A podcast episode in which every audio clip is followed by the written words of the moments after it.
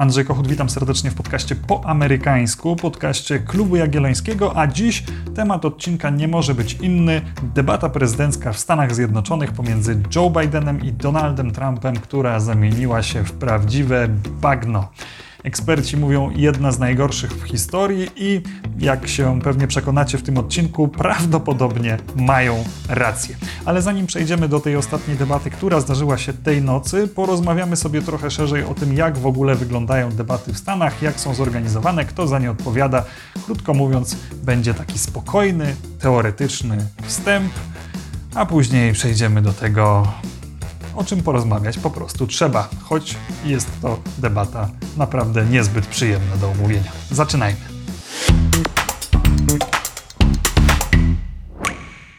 Zacznijmy od tego, kto ustala zasady w amerykańskich debatach prezydenckich, bo inaczej niż w Polsce tam panuje dużo większy porządek w tej kwestii.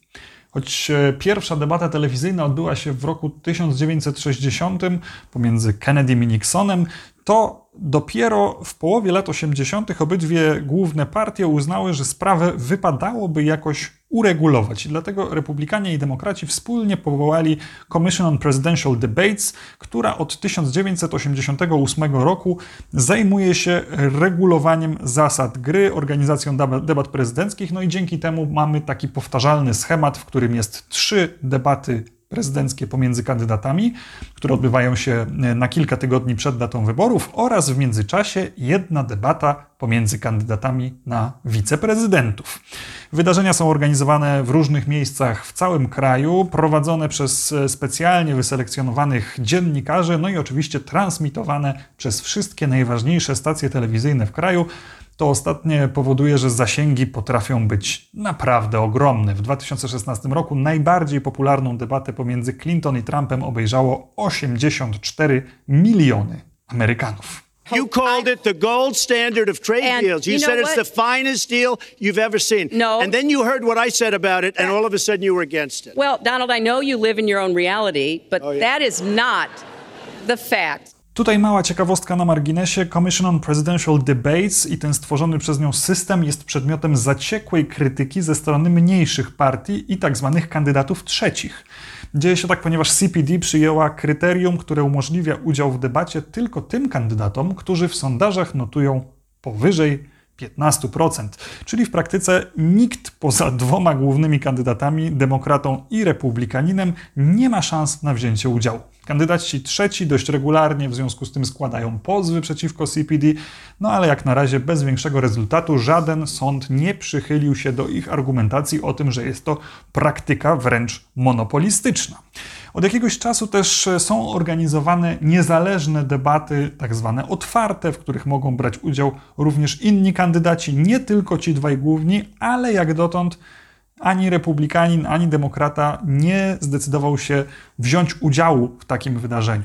W związku z tym te debaty nie cieszą się jakimś przesadnym zainteresowaniem, choć gdyby w tym roku wystąpił Kanye West. Ale wracając do tych oficjalnych debat, mimo ich ogromnych zasięgów, ich rzeczywisty wpływ na ostateczny wynik wyborów często jest kwestionowany. Mimo to medialna otoczka i oczekiwania wobec tego, co tam się wydarzy, są ogromne. Dzieje się tak ze względu na taki kult, w jakim w Stanach Zjednoczonych cieszą się przełomowe momenty w debatach, które są potem dyskutowane do upadłego w programach historycznych, są przypominane przed każdą nową debatą i stanowią taki elementarz amerykańskiej polityki. Weźmy chociażby debatę Nixona z Kennedym, wspomnianą już pierwszą debatę z 1960 roku, pierwszą, która została e, wytransmitowana przez telewizję. W tej debacie Nixon wyglądał na bardzo zmęczonego, a w dodatku zdecydował się zrezygnować z makijażu, przez co widzowie mogli na przykład zobaczyć, jak się poci. Dzięki temu Kennedy wydawał się zrelaksowany, wypoczęty, wyluzowany i w związku z tym wielu sądzi do dziś, że właśnie tym sposobem zdobył przewagę nad rywalem. Albo inna słynna sytuacja, kiedy prezydent Ford debatując z Carterem zapewnił, że Związek Radziecki nie ma dominacji nad Europą Wschodnią. Przejęzyczenie, ale wyszło tak, jakby Ford nie wiedział o czym mówi. Albo inna sytuacja, kiedy Carter po raz kolejny zaatakował wówczas gubernatora Ronalda Reagana, a ten zamiast się bronić odpowiedział: O nie, a ten znowu swoje. These are the kind of elements of a national health insurance important to the American people. Governor Reagan again, typically, is against such a proposal. Governor, there you go again. Były też gesty, które przeszły do historii, kiedy podczas bardzo ważnego pytania o kwestie gospodarcze, a były to, przypomnijmy, czasy recesji, George Bush senior zerknął na zegarek, czekając na koniec pytania, jakby w ogóle nie był zainteresowany przedmiotem rozmowy. To się prawdopodobnie negatywnie odbiło na jego sondażach. Albo kiedy Al Gore zbliżył się bez ostrzeżenia do przemawiającego właśnie George'a Busha juniora i tak stanął tuż obok niego, co bardzo mocno wybiło Busha z rytmu. Te listy oczywiście można by ciągnąć, ale to pokazuje, że te przełomowe momenty w amerykańskich debatach są no, czasami powszechnie znane nawet w Polsce i na takie właśnie momenty publiczność czeka, licząc na to, że być może one odwrócą losy kampanii. No dobrze, tyle tytułem wstępu. Czas przejść do kluczowej kwestii, czyli co zapamiętamy z pierwszej debaty pomiędzy Donaldem Trumpem i Joe Bidenem. We welcome the Republican nominee, President Trump, and the Democratic nominee, Vice President Biden. Plan był dobry. Miało być 90 minut podzielonych na 6 15-minutowych bloków tematycznych: e, Sąd Najwyższy, COVID, protesty na tle rasowym, dorobek prezydenta Trumpa i wiceprezydenta Bidena. Natomiast pytania w każdej części miał przygotować osobiście Chris Wallace, e, Wallace ze stacji Fox News, ale uznawany za dziennikarza, który nie daje prezydentowi taryfy ulgowej. Kandydaci oczywiście nie znali wcześniej e, tych przygotowanych pytań. W każdym z segmentów miało być też pole do wzajemnych polemik między kandydatami i wszystko miało dać im możliwość wypowiedzieć się na te kluczowe dla Stanów Zjednoczonych kwestie, ale to wszystko teoria. Natomiast w praktyce w praktyce teoria wysypała się na pierwszym zakręcie, albo raczej przy pierwszym pytaniu.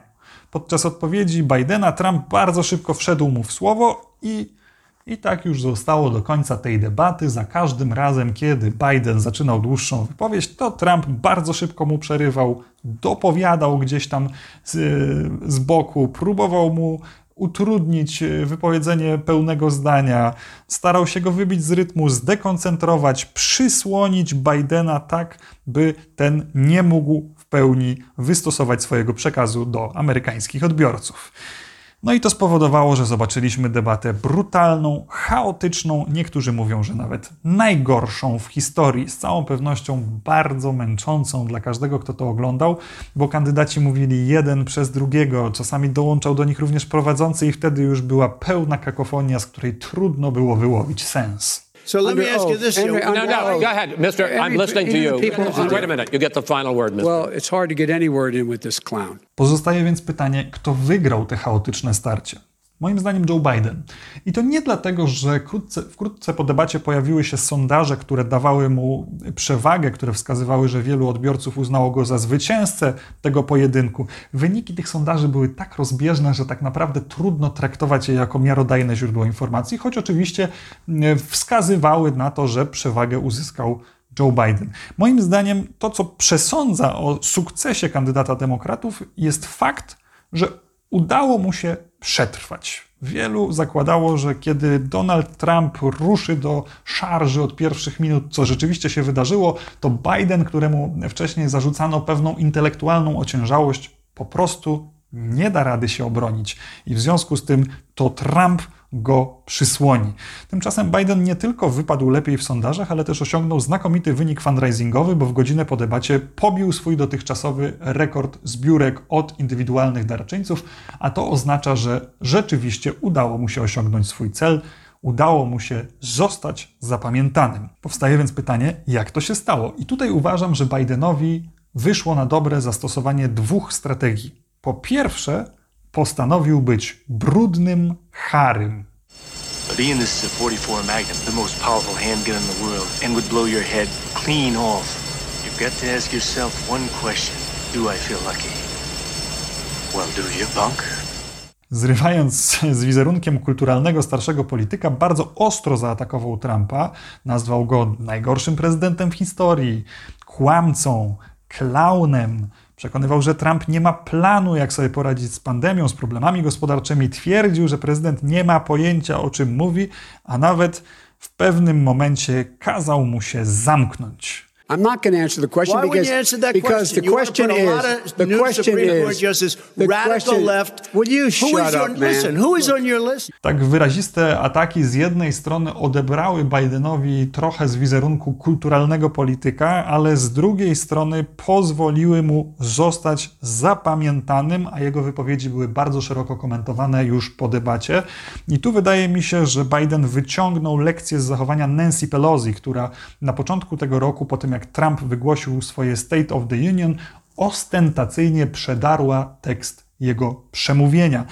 Y, Co zostało odebrane jako oczywiście być może niekulturalne, ale z drugiej strony zostało zapamiętane i było często dyskutowane szerzej niż sama wypowiedź prezydenta, więc swój cel osiągnęła. Po drugie, Biden postanowił nie skupiać się na Trumpie i często zwracał się bezpośrednio do amerykańskich wyborców, tak jakby nie dostrzegał swojego rywala, jakby go ignorował, patrzył wprost do kamery i przemawiał prosto do wyborców. He knew all the way back in February how serious this crisis was.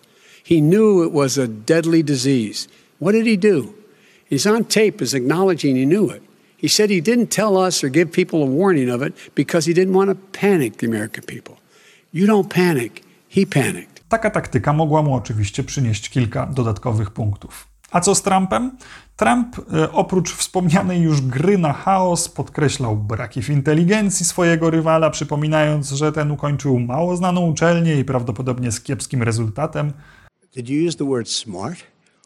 Uh, so you said you went to Delaware State, but you forgot the name of your college.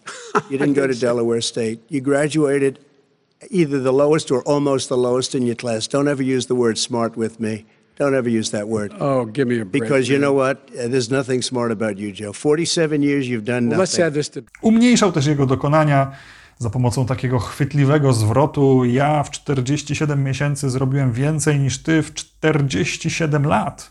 In 47 months, I've done more than you've done in 47 years, Joe. Wydaje mi się też, że zapamiętane zostanie również to, czego Trump nie powiedział. Na przykład nie przyznał się do płacenia wyjątkowo niskich podatków dochodowych. To jest skandal ostatniego tygodnia. Według doniesień prasowych Trump e, przez wiele lat miał w ogóle nie płacić podatku dochodowego na poziomie federalnym, a przez ostatnie lata miał płacić zaledwie 750 dolarów rocznie.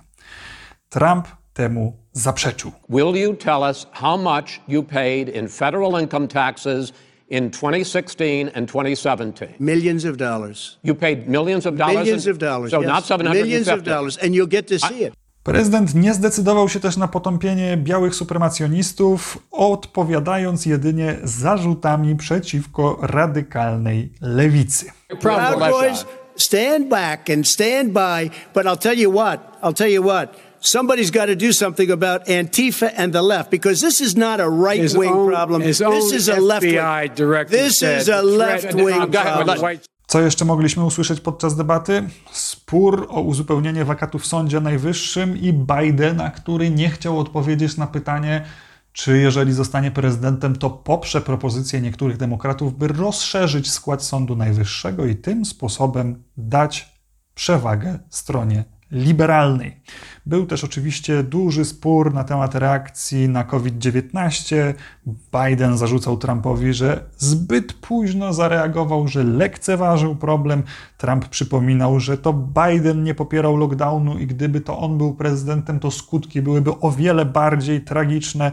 Z kolei Biden odpowiadał, że to Trump chciał zbyt szybko otworzyć gospodarkę, nie dając właściwych środków bezpieczeństwa i w ten sposób narażając zwykłych Amerykanów, na co Trump odpowiadał, że to Biden chciałby zatrzymać e, gospodarkę zamkniętą przynajmniej do wyborów, tak żeby zyskać przewagę nad Trumpem i tak dalej, i tak dalej. Ja naprawdę nie wiem, czy jest sens to wszystko streszczać. Nie usłyszeliśmy niczego nowego, niczego niespodziewanego. Niespodziewany był chyba tylko styl, w jakim toczyła się ta debata. I chyba nikt nie zakładał, że będzie aż tak źle. Czy ta debata będzie w jakiś sposób przełomowa dla amerykańskiej kampanii wyborczej? Najprawdopodobniej nie. Mówiłem już w jednym z poprzednich odcinków o tym, że wyborcy niezdecydowani to jest dziś bardzo wąski margines wśród amerykańskiego elektoratu. To jest tak niewielka grupa, że kandydaci widzą coraz mniej sensu ubieganie się o tych niezdecydowanych, no i w związku z tym zmienia się też charakter debat. One kiedyś były sposobem, żeby właśnie do tych niezdecydowanych, do tych, którzy jeszcze nie mają wyrobionego zdania, dotrzeć, zaprezentować im swój program, przekonać ich do siebie. Cięte riposty, które kiedyś były takim dodatkowym smaczkiem, który miał pomóc przekonać do siebie wyborców, stały się właściwie celem samym w sobie. Programy straciły na znaczeniu, nawet fakty, mam wrażenie, straciły na znaczeniu. Liczy się tylko zadanie przeciwnikowi potężnego ciosu. Ciosu, który oczywiście wzbudzi entuzjazm tego naszego żelaznego elektoratu, najzagorzalszych zwolenników. I dlatego zamiast debaty mieliśmy bokserski pojedynek. Albo może nawet nie, to chyba nie jest do końca trafna metafora, bo bokserzy muszą przecież przestrzegać bardzo określonych zasad. To, co oglądaliśmy w Cleveland, to była raczej bójka w piaskownicy. I to już wszystko na dziś. Mam nadzieję, że podobał Wam się ten kolejny odcinek e, z cyklu po amerykańsku. On dotyczył bardzo bieżącego wydarzenia i dlatego starałem się go wypuścić jak najkrócej po debacie. Nie, nie zapomnijcie followować e, podcastu po amerykańsku na tej platformie, na której go aktualnie słuchacie, czy jest to Spotify, Apple Podcast, Google Podcast, czy dowolna inna platforma. Nie zapomnijcie też zajrzeć na stronę Klubu Jagiellońskiego i wesprzeć nas e, taką kwotą, jaką uznajecie za stosowne, jeżeli tylko chcecie wspierać rozwój klubowych podcastów, takich jak ten. Do usłyszenia w kolejnych odcinkach.